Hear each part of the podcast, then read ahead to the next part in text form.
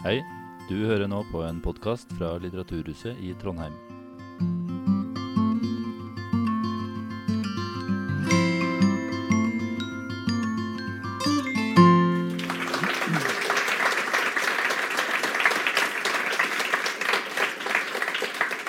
Ja, takk. Eh, Jeg høres greit og sånn, regner jeg med.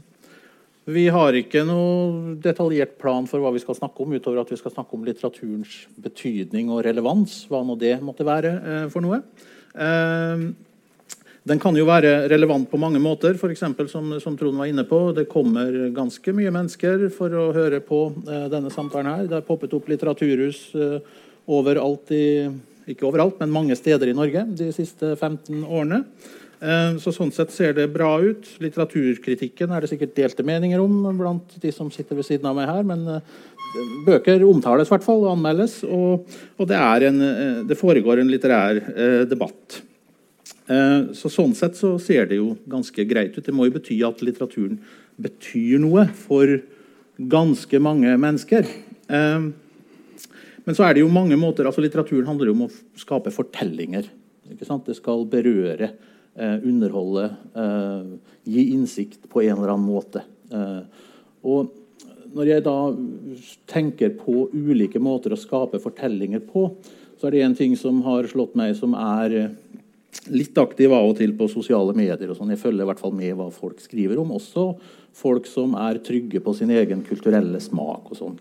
Og det, En ting som har slått meg, det er hvor overlegne eh, vår tids TV-serier som vises på sånn strømmetjenester og sånn, det er det største samtaleemnet av kulturell art, har jeg inntrykk av, også blant folk som har mye kulturell kapital, som vi sosiologer sier. Og de er helt trygge på at det er en, en eh, fin og eh, avansert og interessant måte å gjøre fortellinger på. Og sies jo, det sies jo også at vi lever i en visuell kultur, hvor TV, eh, film etc. kanskje gir et sterkere umiddelbart inntrykk for seerne enn romanen og poesien for eksempel, gir for leserne. Så eh, et sånt innledningsspørsmål kunne være hva er det som eh, Altså Hvordan litteraturen ivaretar relevansen i en, under sånne betingelser. Og hva er det litteraturen kan bidra med som andre kulturuttrykk kanskje i mindre grad kan bidra med? Hvis vi starter med Vigdis Hjorth.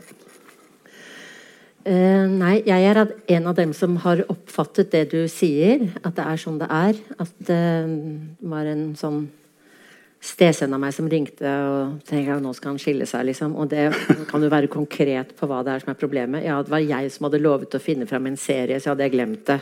Dette var i koronatidene. Men det har jeg fått med meg. Men jeg er av dem som ikke ser det.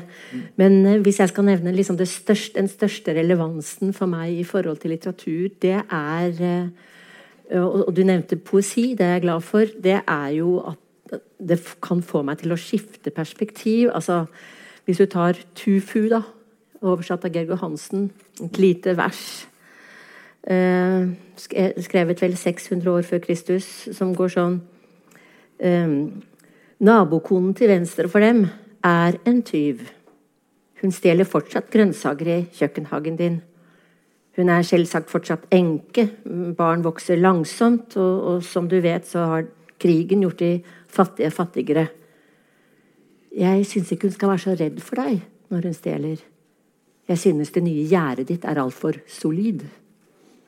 Og bare den perspektivendringen der, det er noe av det som poesien og litteraturen kan, og meg bekjent. Ikke de seriene i samme grad, men jeg har ikke kjennskap til dem.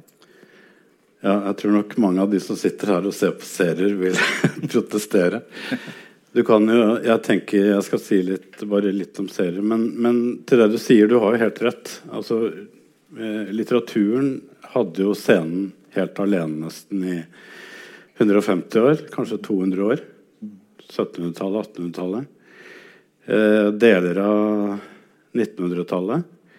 Eh, den tiden er borte. Det er klart at Litteraturen er i dag en mye, mye mer preg av en nisje enn den hadde før. da. Men jeg tenker sånn at det, det er ikke snakk om noe enten-eller.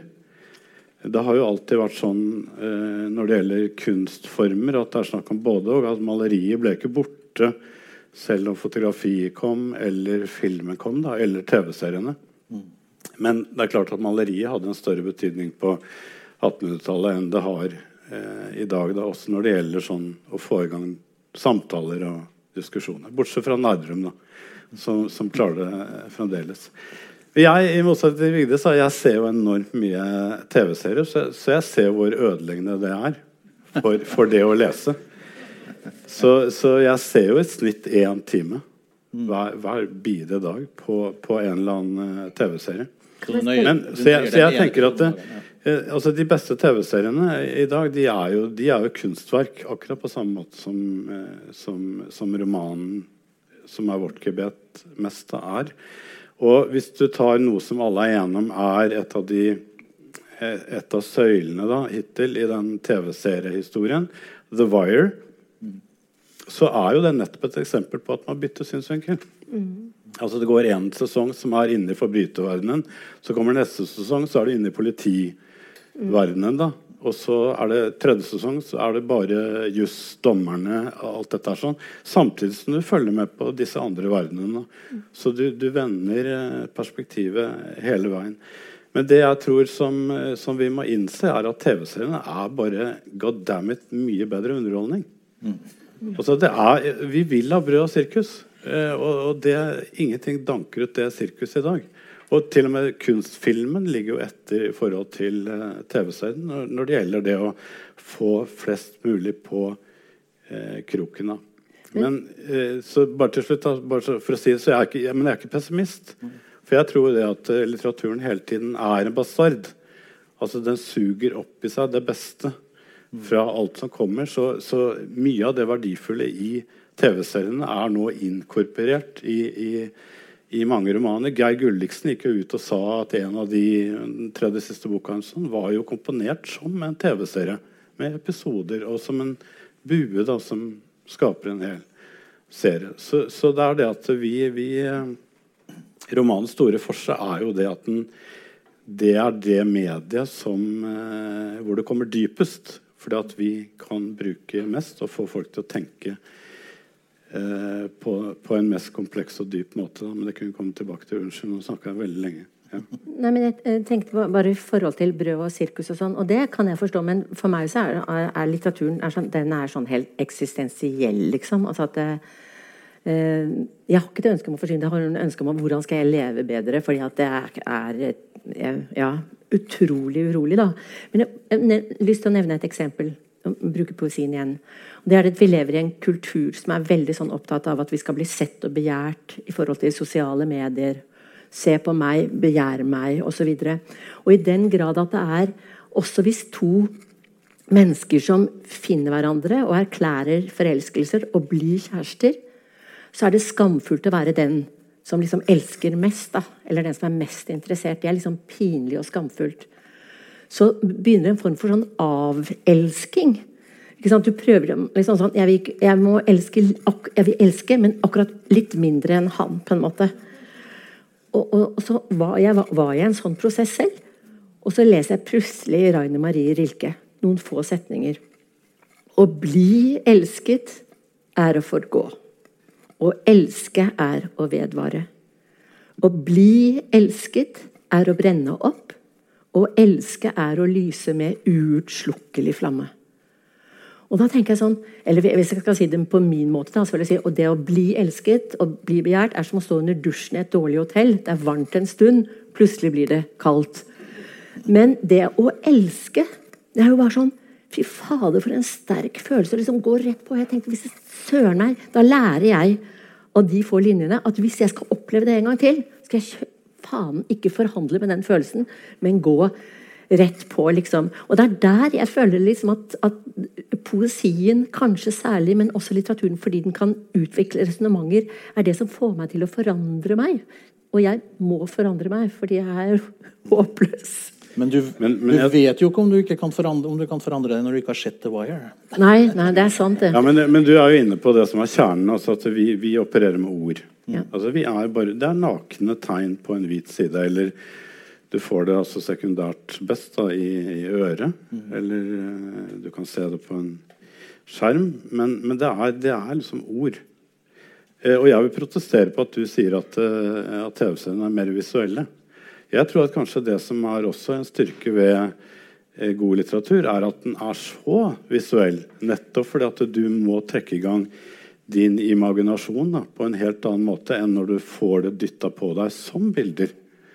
Altså Det å være meddikter, det å da liksom skape landskapet, menneskene, fargene, eh, også, også, de andre sansene. Luktene, smaken, det taktile.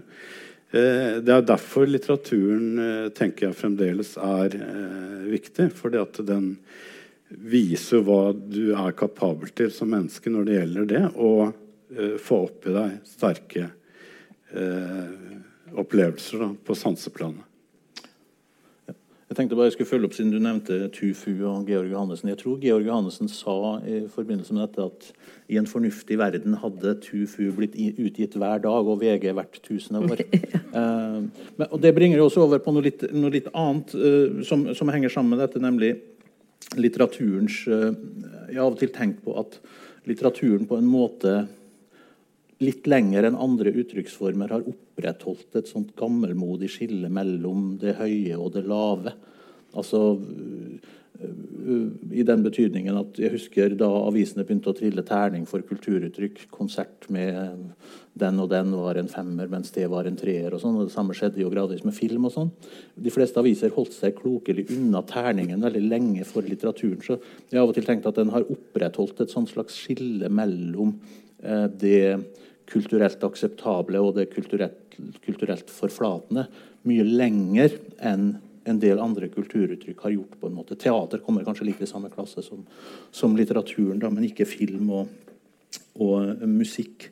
Um, og det er jo um, en ting som også er interessant med sånn TV-serier og sånn som du nevner. For en gang så spurte jeg på eh, Facebook, så spurte jeg, det, ti år siden minst, så spurte jeg på Facebook om jeg har ikke fulgt med overhodet på disse nye TV-seriene. Og så spurte jeg rett bør jeg sette meg ned og se The Wire.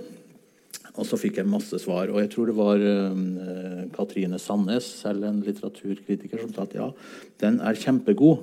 Men hun, de første sju-åtte episodene så vil du være veldig forvirret, og sånn, men hold ut, så blir det interessant til slutt.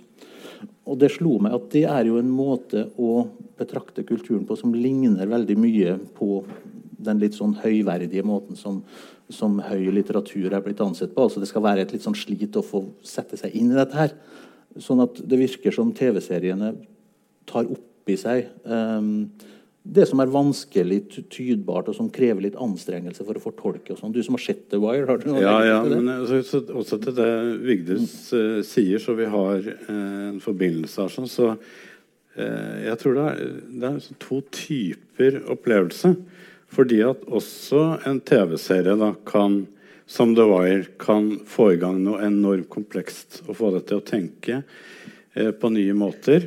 Men jeg, jeg tenker allikevel at eh, Dickens, som skrev nøyaktig 150 år i, i 1852, mm. så kommer Bleak House. 2002 kommer første sesong av Wire. Og Bleak House er, er The Wire. 150 år før. Det er 100 mennesker i den romanen med akkurat de samme universene som da flettes i hverandre. Eh, og det er helt fenomenalt. Og, eh, så, sånn at eh, Jeg ser på det som på en måte to likeverdige kunstuttrykk. altså Hvorfor skal vi konkurrere og si at den ene er bedre enn den andre? Ja. Men det er to, to, ulike måter å nærme seg eh, hva er et menneske. Hvordan skal vi leve her på jorda? Og så Eh, så vi må jo finne ut da Det kan gå på legning. Hva passer best for meg?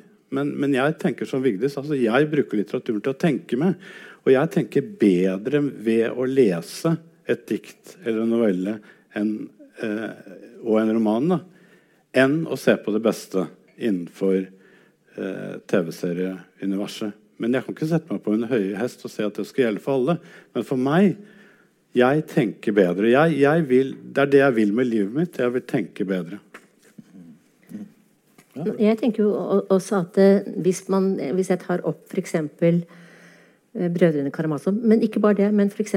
Sigrid Undset, Kransen, som fylte 100 år nå, så begynner den altså omtrent sånn eh, da Lavrans i 1309 kjøpte sånn og sånn fra gårsdagen sånn som lå i Lom der nede, flyttet fra den, fra brorsønnen sånn, papp, sånn, alt mulig sånt noe.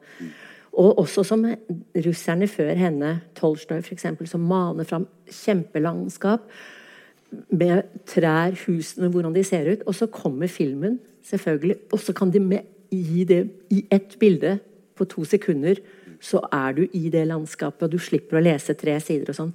Så det er klart at jeg har stor stor respekt for, for filmen. For så, for meg så handler det ikke noe om at jeg liksom ikke tenker på at det er kunst, eller at det er like høyverdig. Det er bare det at det er ikke der Jeg, jeg er, ikke, er ikke der, da. Men hvis jeg skal si noe som nevne et annet litt sånn, sånn kort eksempel, så tenker jeg at den første boken som jeg leste da jeg var elleve år, det var 'Barndommens gate' av Tove Ditlevsen.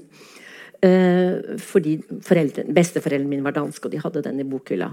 Og der st står det på side ti, tror jeg Jeg var syv år da ulykken rammet oss. Det er en selvbiografisk bok fra opp, um, fra eh, oppveksten i Istedgate i det fattige Arbeiderkøbenhavn.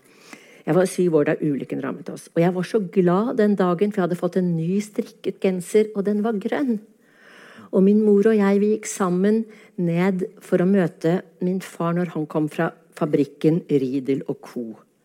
Men denne dagen ser han helt annerledes mørk ut når han kommer ut av fabrikkporten.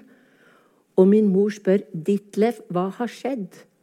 Og han svarer 'Jeg er fyret', altså oppsagt. Så står det Ridel og co., hvorfra alt godt hittil hadde kommet, helt ned til min egen søndagsfemøre, hadde nå spyttet min far ut av sitt gap, likegyldig med ham, hans familie, meg og min nye grønne genser.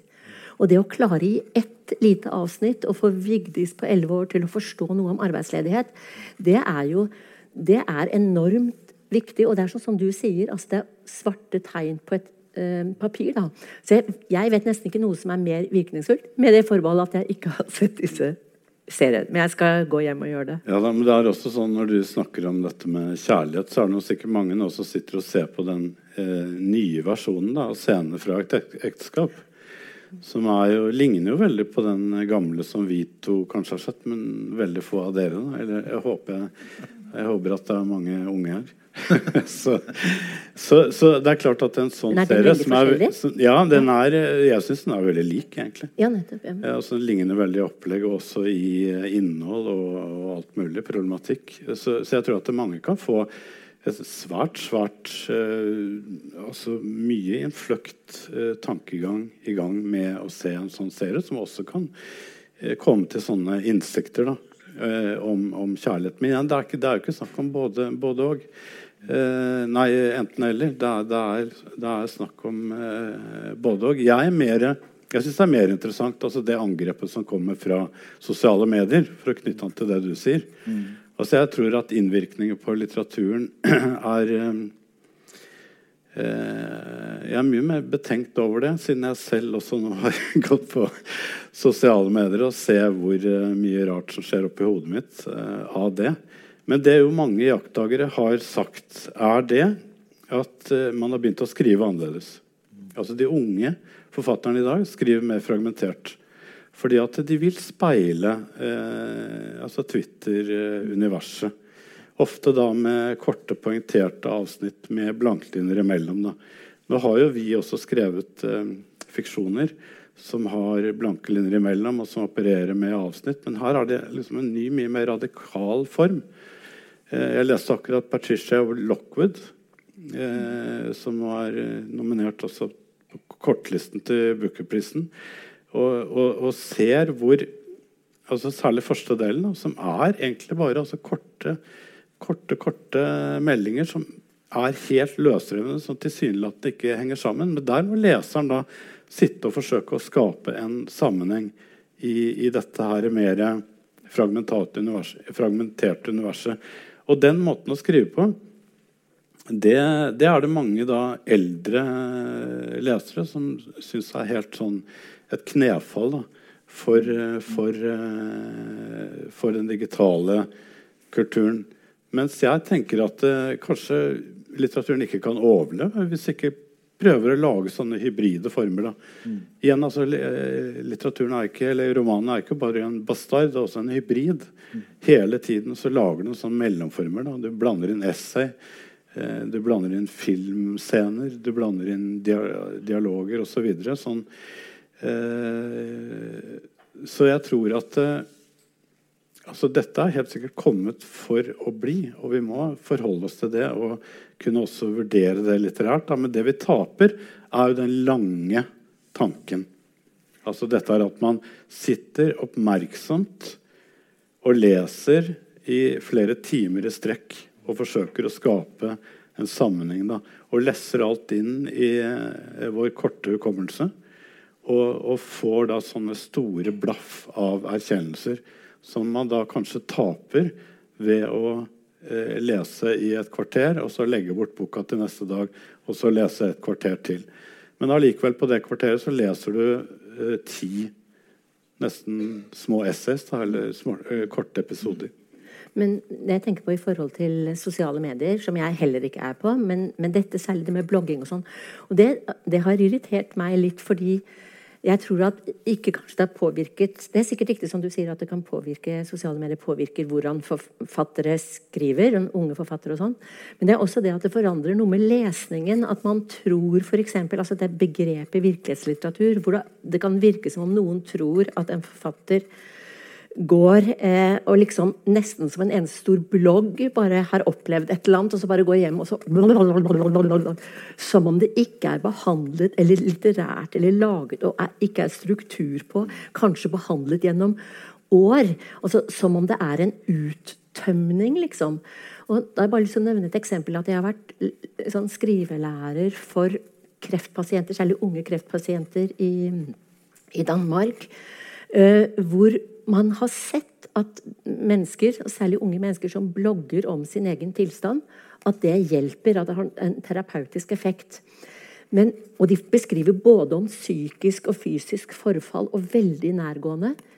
Men så erfarer de da at særlig de som blir helt friske, de angrer etterpå. fordi at når de dater et eller annet nytt menneske, så har de sittet og lest om den gangen du sånn og underliv og den og tingene. Og hvis de kommer og skal på et jobbintervju, så finnes alt dette.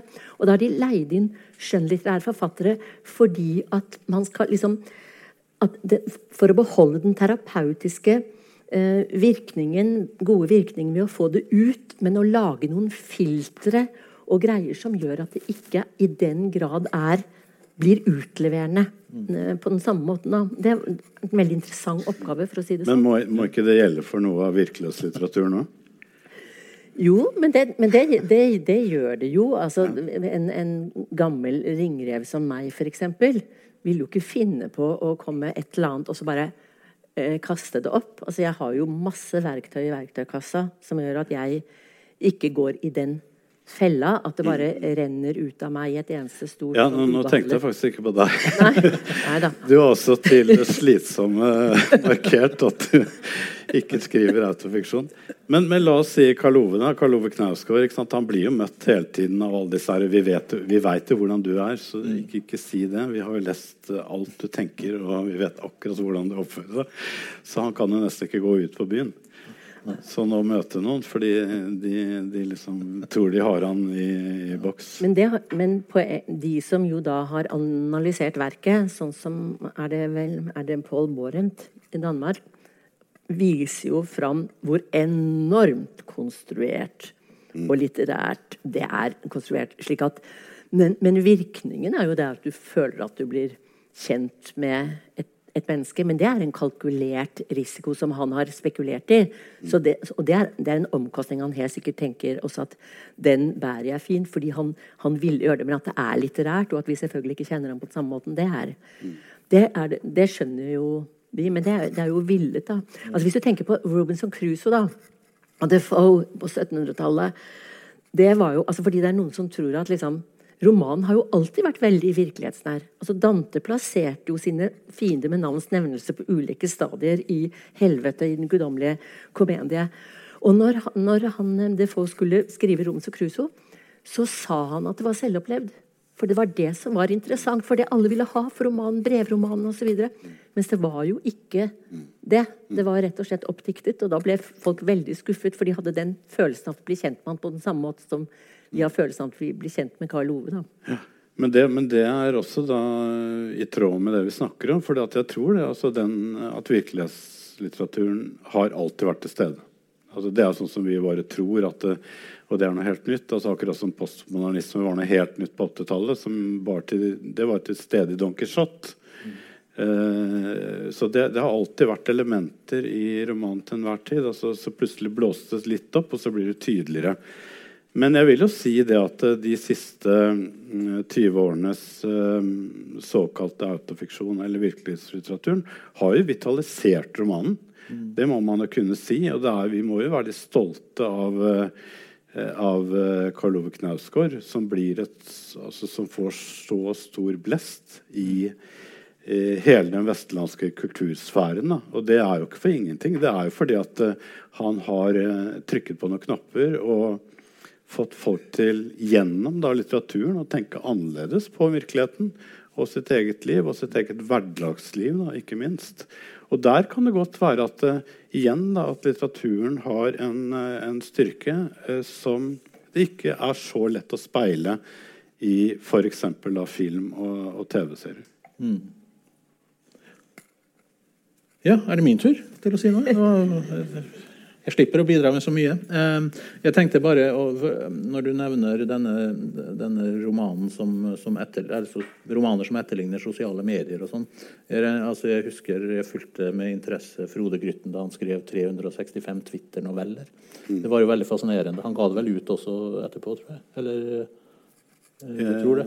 Ja, det er gitt ut. ja. Men det, det er jo også en, en, illustrasjon på hvordan du kan mm. gjøre eh, også sosiale medier til en litterær uh, arena. Mm. og mange av dem var jo ganske elegante. jeg har jo drevet litt research også da, og sett på hva dere har sagt og gjort før. Jeg har jo lest en del av jeg har ikke utlest verken på Kjærstad eller Hjort, men jeg har jo lest noe. Og så har jeg rota litt i diverse arkiver, og sånn, og så fant jeg et intervju med Vigdis Hjort i en samtale med Hans Olav Brenner for ca. åtte år siden, tror jeg, hvor du sa noe som interesserte meg, nemlig at hvis man sammenligner skrift og tale, så er skriften mye nærmere det underbevisste. Uh, husker du det? Ja, men det tror jeg. Um, og du, at masken i nettet mot det underbevisste er mye større, som du sa. Ja. er um, Kan du utdype det? Nei, men jeg tror at hvis du sier at Hvis du Hvis, du, hvis jeg sier jeg vil bare at alle skal være glad i meg, jeg. Så kan jeg ved mitt kroppsspråk og mitt stemmeleie bagatellisere og nøytralisere den setningen. Men hvis jeg skriver på papir Jeg vil jo bare at alle skal være glad i meg så er det noe så naken og sårbar at vi på en måte vil krølle liksom det arket sammen og kaste det. Og, og, og, min erfaring er at maskene ned mot det underbevisste er, er mye, mye, uh, mye større. og Derfor er det veldig mange mennesker som føler en form for skam i møte med papiret når man skal sette seg ned og skrive selv, hvis det er noe annet enn en handleliste. Fordi det er, du, det er mer sårbart eh, på et eller annet vis. Er det ikke det som har fremprovosert smiley-kulturen, på en måte? At du må, du må, vise at du ironiserer over det du selv sier, eller at du 'dette mener jeg oppriktig', eller 'dette mener jeg ikke så veldig Ja, og da er du, da er du fjern fra det un, underbevisste. Ja. Altså, så det, og det å, å, skrive er jo veldig altså, Skal jeg nevne et eksempel? Ja, det syns jeg. Ja, da jeg gikk på idéhistorie i sin tid, så var jeg veldig sjenert. Det var et sånt fag som reklamerte sånn for seg i universitetets brosjyre. Lurer du på hvem du er, og lurer du på hvorfor du er her? Jeg lurte på begge deler, og så jeg, gikk jeg på det idéhistorie. Og da var det Dette var på, på slutten av 70-tallet, og det, det, var veldig mange som gikk der som var veldig sånn kule jenter. Nå var dritkule, og de var sammen med de tøffeste guttene i AKP. Jeg skrev i Morgenbladet og sånne ting. Og jeg var veldig sjenert og turte ikke si noe. Hadde ikke akademiske foreldre som veldig mange andre hadde. og sånn. Eh, men så var vi på en fest, en sommerfest, og så var det noen av disse veldig kule jentene som sa sånn At de gjerne kledde av seg på fest. For det er liksom, liksom altså, Hvis det er innmari varmt, og hvis man skal i badstue eller bade, eller sånt, så kroppen er jo helt naturlig, liksom.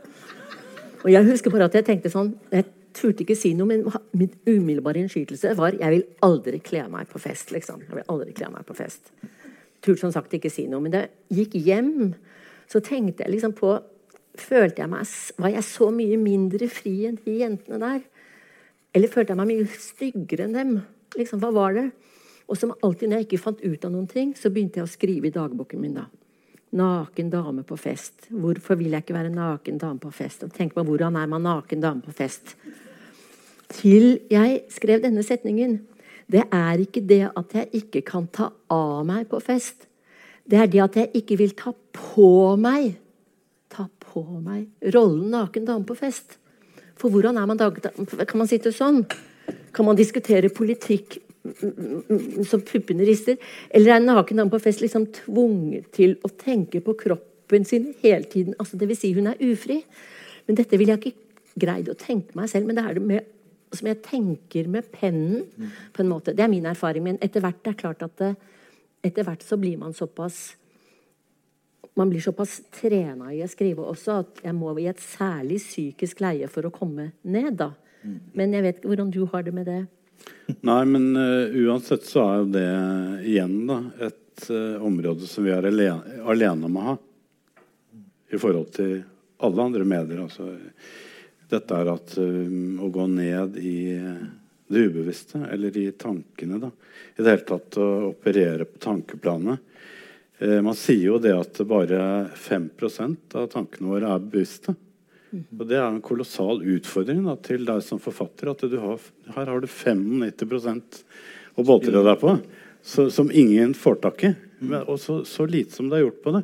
Altså Vi skryter av James Troyes, det han har gjort uh, med indre monolog og Virginia Woolf og sånn, men det, de har jo bare skrapt i overflaten. Her ligger det jo Stillehavet og venter på oss sånn, uh, av materialet. Da. Men, men, det er akkurat som vi ikke helt tør. Og kanskje vi også er skremt av utviklingen nå da, og tenker at uh, man ikke får med seg lesere. Får, vi sliter med oppmerksomheten. Alle slåss om oppmerksomheten. Og hvis du da får en bok på 400 sider om et menneskes tankeliv, og så kan du heller se på scener fra et ekteskap, så veit du hva du velger. For det, vi, er, vi, er, veldig svake når det gjelder det der med å velge noe som er krevende. Ofte. Jeg velger boka, men det er jo meg. Uh, uh, men jeg, du har jo alltid vært opptatt egentlig av informasjonsteknologi og sånn. Jeg har også gjort research på deg. Da, og det, det et av de mest interessante klippene jeg Dette, dette høres ikke bra ut. Jo, det var et veldig artig program med et litt mystisk narrativ som jeg ikke engang skal prøve å rekapitulere. Men det var et kulturprogram på NRK i 1985 hvor en en del forfattere eh, og andre kulturpersonligheter eh, tar båt på Telemarkskanalen. Og så lager Andreas Humpland, som da var kulturreaktør i Dagbladet, han, eh, han, forteller litt om Norge, og sånn, og så er det litt springende. og sånn, så Jeg vil som sagt ikke rekapitulere konseptet, men der, der, snakker du litt om din den gang siste roman 'Homo falsus', eller 'Det perfekte mord', hvor du sier at altså, du er ikke interessert i å skildre mennesket, men Eh, nettet mennesket spinner rundt seg. Og, eh, og du, du, har jo allerede da kjennskap til denne litt sånn postmoderne, som noen kaller det, eh, idékritikken knyttet til at språket har kollapset, og det som er forfatterens oppgave, er å sette det sammen igjen. Og, og lage kunst av søppel, tror jeg du sier et sted. Mm. Er, det, er, det, noe som gir noe resonansbunn i hvordan du tenker i dag? Altså, jeg kjenner vi igjen, men egentlig veldig litt. men det, det du, du, husker jo du ja, men, ja, jeg, jeg, husker, jeg, husker, det veldig veldig godt. Men uh, det forferdelige var da at jeg var til og med i et uh, TV-program etterpå. Og jeg viste fram For jeg, jeg syntes det var flaut. altså Jeg var forfatter. Mm. Og så de fleste naboene mine da, der jeg bodde på Langhus uh, i Ski um, de var eh, drev og jobbet på, i banker og, eller rundt omkring. Da, og de kunne programmere. Altså de kunne programmeringsspråk. Og jeg skrøt jo at jeg var Jeg skulle være en språkmester, forfatter. Men så kunne jeg jo ingenting om alle de nye språkene som folk behersket. da. Så på trass så tok jeg sånn kjempeenkelt eh, språk som het Pascal, mm. eh, og lærte meg det ganske dårlig. da. Men i hvert fall sånn at jeg kunne skrive også et sånn veldig lett program. Eh, som permitterte noen sånne innholdselementer da, eh, som jeg viste fram på TV. Og etter det, i hvert fall i 15 år, så kom folk bort til meg på gata og spurte å ja, du er han forfatteren som bare trykker på en knapp, og så skriver da maskinromanen for deg. Så det var en ja, helt forferdelig tabbe at jeg gjorde det. Så, så, jeg har antagelig fortrengt det. Men det som er poenget Jeg har alltid vært nysgjerrig på ikke hardware, men software. Eh, og det gjelder alt. Jeg har aldri vært interessert i f.eks. kvantefysikk som hardware, altså lære meg termene, men hva det gjør eventuelt med tenkemåten vår. Mm. Eh, samme med darwinisme og hva som helst. Sånn at jeg forsøker da å utfordre meg selv til å se om jeg kan finne nye former da, som kan speile nye tankemåter som vi går rundt nå og bruker, kanskje uten å være oss det bevisst. Så, så, så, så, når jeg skriver en eh, f.eks. den siste romanen min, 'En tid for å leve', så har jeg da brukt tanker som kommer fra eh, nyere fysikk når det gjelder partikler. At de er kanskje mye mer bølger, eh, flyt, enn partikler. Faste ting. Så jeg har tenkt for meg at kanskje vi mennesker er mye mer flytende enn vi liker å tenke. Og at vi da, når vi sitter i en forsamling, så vil vi påvirke hverandre på veldig rare måter uten at vi er klar over det. Vi kan gå ut og ha forandret livet vårt uten at vi skjønner det, men det er fordi at vi har hørt en replikk eh, tre meter bortenfor som en har sagt til en annen. Eller en har dultet borti deg. En har, eh, du, har, en, du har hørt noen rope noe, osv. Eh, og dette er bare en sånn forsøk på å fiksjonalisere noe som jeg tror er en del av virkeligheten, som ikke det er skrevet så mye om. Da. Nettopp for å også da ta opp og prøve å finne ut hva kan man gjøre i skrift som man ikke kan gjøre med de andre mediene vi har. Mm. Ja. Eh, vi skal eh ja, Vi har litt tid igjen. Ehm, jeg tenkte, Når man snakker om litteraturens relevans, så tror jeg mange tenker på at litteraturen skal ikke bare få oss til å forstå oss selv, men noen tenker på litteraturen som et redskap for å forandre verden. Vi skal eh, bruke litteraturen, eh, om ikke politisk, så i hvert fall samfunnsmessig i en eller annen forstand.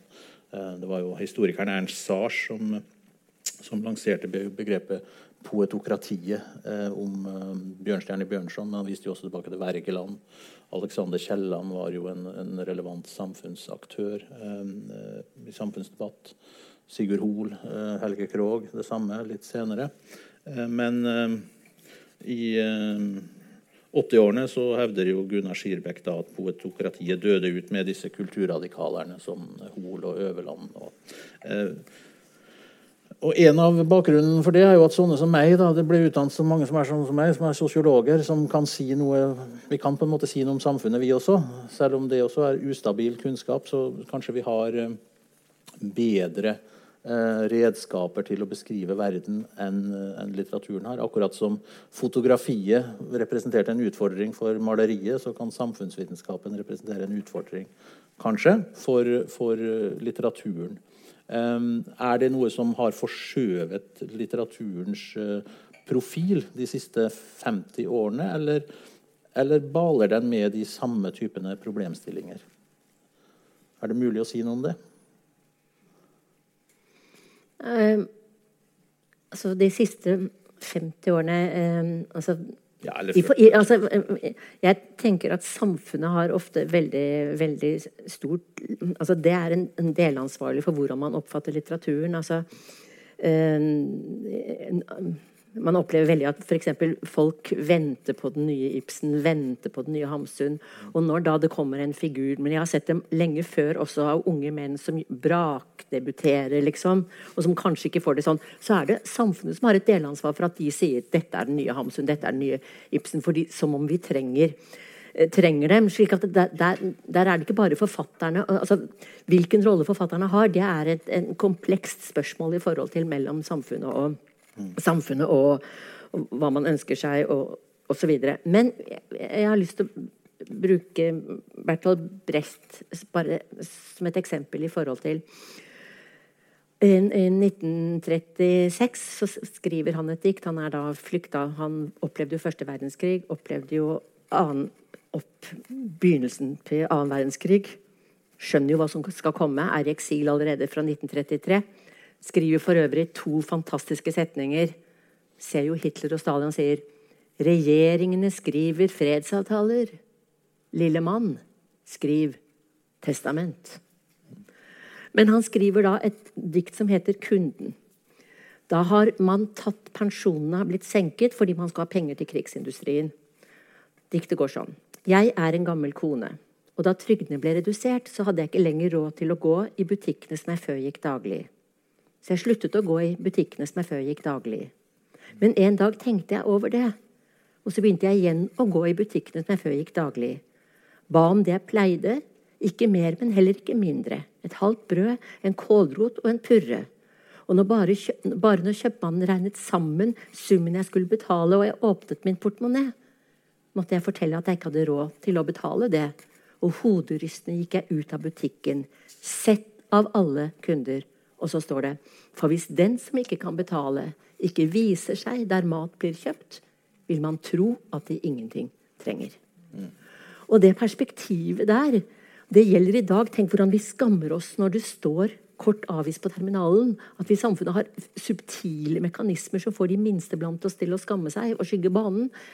Det, for meg så er det, det er samfunnsendrende bare at det diktet fins. Og det ligger, i, det ligger et potensial i, i, i litteraturen. Så er det opp til oss da om vi klarer å utnytte det. Men jeg vet ikke noen som på så korte linjer kan si noe så Oppfordre til revolusjon, på en måte, da. Enkeltmanns Enkeltkvinnemann. Ja, ja. Enkelthens uh, revolusjon. Jeg er helt enig, men uh, problemet er, er, ikke der. For jeg tror at det, det henger også sammen med litteraturens stilling. da som uh, Man hadde på en måte monopol på slutten av 1800-tallet når, når Georg Brandes kommer med dette eh, realismeprogrammet sitt. Og da sier til liksom, dikterne nå må dere skape litteratur som vekker debatt, og som forandrer verden. Så gjorde de det, og de, de skapte debatt, og det ble forandringer. Eh, helt opp til altså Tenk på Nordahl Grieg skrev 'Skipet går videre'. og Han forandra jo vilkårene for sjømenn eller på noen punkter bare pga av den romanen. Men den er stein død i dag som litteratur. Men den gjorde faktisk en forskjell da, i tiden. Jeg tror at siste gang litteraturen var eh, politisk relevant på den måten, var jo på 70-tallet. Hvor, hvor, um, man hvor man skulle da skrive eh, politisk for i det hele tatt å komme på agendaen og bli skrevet om i avisene.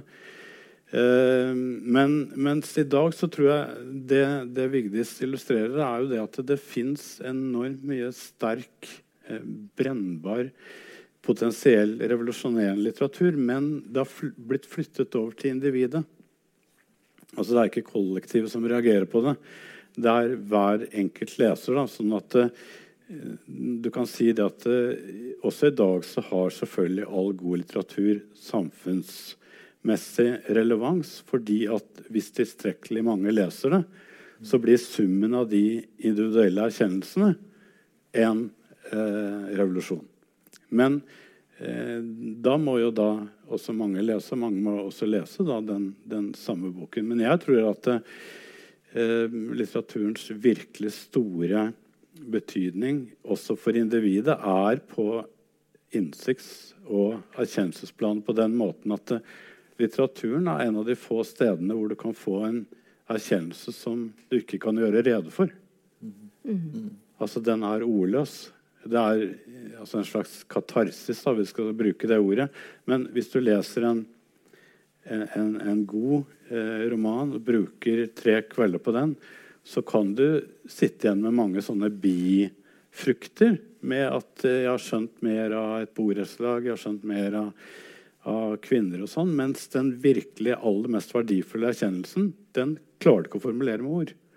Altså, den er og blir eh, ordløs, og det er det vi kaller det uutsigelige, som, som jo i hvert fall har stått sentralt da, eh, for mye diktning. Men, men det skal man ikke undervurdere. Altså, jeg tror at vi, vi skal ikke drive og bagatellisere akkurat eh, altså den verdien da, ved litteraturen. Altså at hvis individet leser og tenker dypt, så får det som sum en samfunnsmessig betydning. Kan man tenke seg en, en, en, en vei tilbake hvor, folk, hvor flere noen leser jo fortsatt men, og, og, og, kan sitte i timevis og lese. og sånn, Men kan vi tenke oss en, en, en, vei tilbake til at folk plutselig klarer å konsentrere seg mer enn 15 minutter når de skal lese en tekst? Altså, er, er, er, denne kjappheten i sosiale medier en bølge, eller er det uavvendelig på en måte i kraft av eh, teknologiens og, og, eller informasjonsteknologiens egenart? Nei, nei gudene vet. Eh, vi vil jo selvfølgelig håpe at uh, det ikke skal være sånn uh, TV-tid. Og det er ingen som kan si hva som kommer til å skje. Vi kan få helt nye medier som plutselig fører til en renessanse for eh, litteratur. Men jeg tror heller det som kommer til å skje, er at vi langsomt så kommer da de som skriver fiksjoner, til å være med og Jeg vil ikke si konkurrere, da, men vil, vil være med og være på høyden da, med det beste som, som blir gjort i alle andre medier, inkludert musikk, film, TV-serier, dans, vitenskap, hva som helst. Da vi vil være da en viktig, umistelig brikke. Men jeg tror aldri vi vil komme tilbake til den glanstiden vi nå har bak oss. Kan jeg bare spørre fort, for Du nevnte at Geir Gulliksen hadde brukt eh, liksom, noe fra serien. Gjør du det? Kan kan du bli inspirert til grep i romanene dine og sånn? Ja, men jeg tror jeg, Helt sikkert. Og det, det, har jeg. Men jeg tror kanskje mer av film. Ja, nettopp, ja. At jeg helt bevisst har brukt uh, klippeteknikken her uh, i, i, mange scener. Og til og med sittet og sett og, hvor mange klipp det har vært i enkelte uh, scener da, i film. Og så forsøkt å få til noe tilsvarende da, i noen ram, romanpassasjer. Men jeg tror at det, sånne, sånne ting skjer for det meste ubevisst. Jeg tror vi bare får det inn i blodsystemet vårt. Og de som er unge i dag, og som går det, og, og puster inn dette her, Det er jo luften de puster inn. Mm. De, de, vil bare Gjennom måten de skriver på, så vil det være farget av alt det de opplever. da, Fra TV-serier til sosiale medier og til hva som skjer i verden. Mm. Ja. Eh, da tror jeg vi begynner å avslutte. Jeg er også bedt om å si at hvis det er noen som har bøker av Kjærstad eller Hjort som de gjerne vil ha signert, så er det muligheter for det. Men det er også mulig å treffe begge i morgen eh, på Litteraturhuset. Ehm, så er det også sagt. Ellers så vil vi takke for oppmøtet. Og takk til eh, de to eh, forfatterne som gjorde jobben enkel for meg. takk selv. Thank you.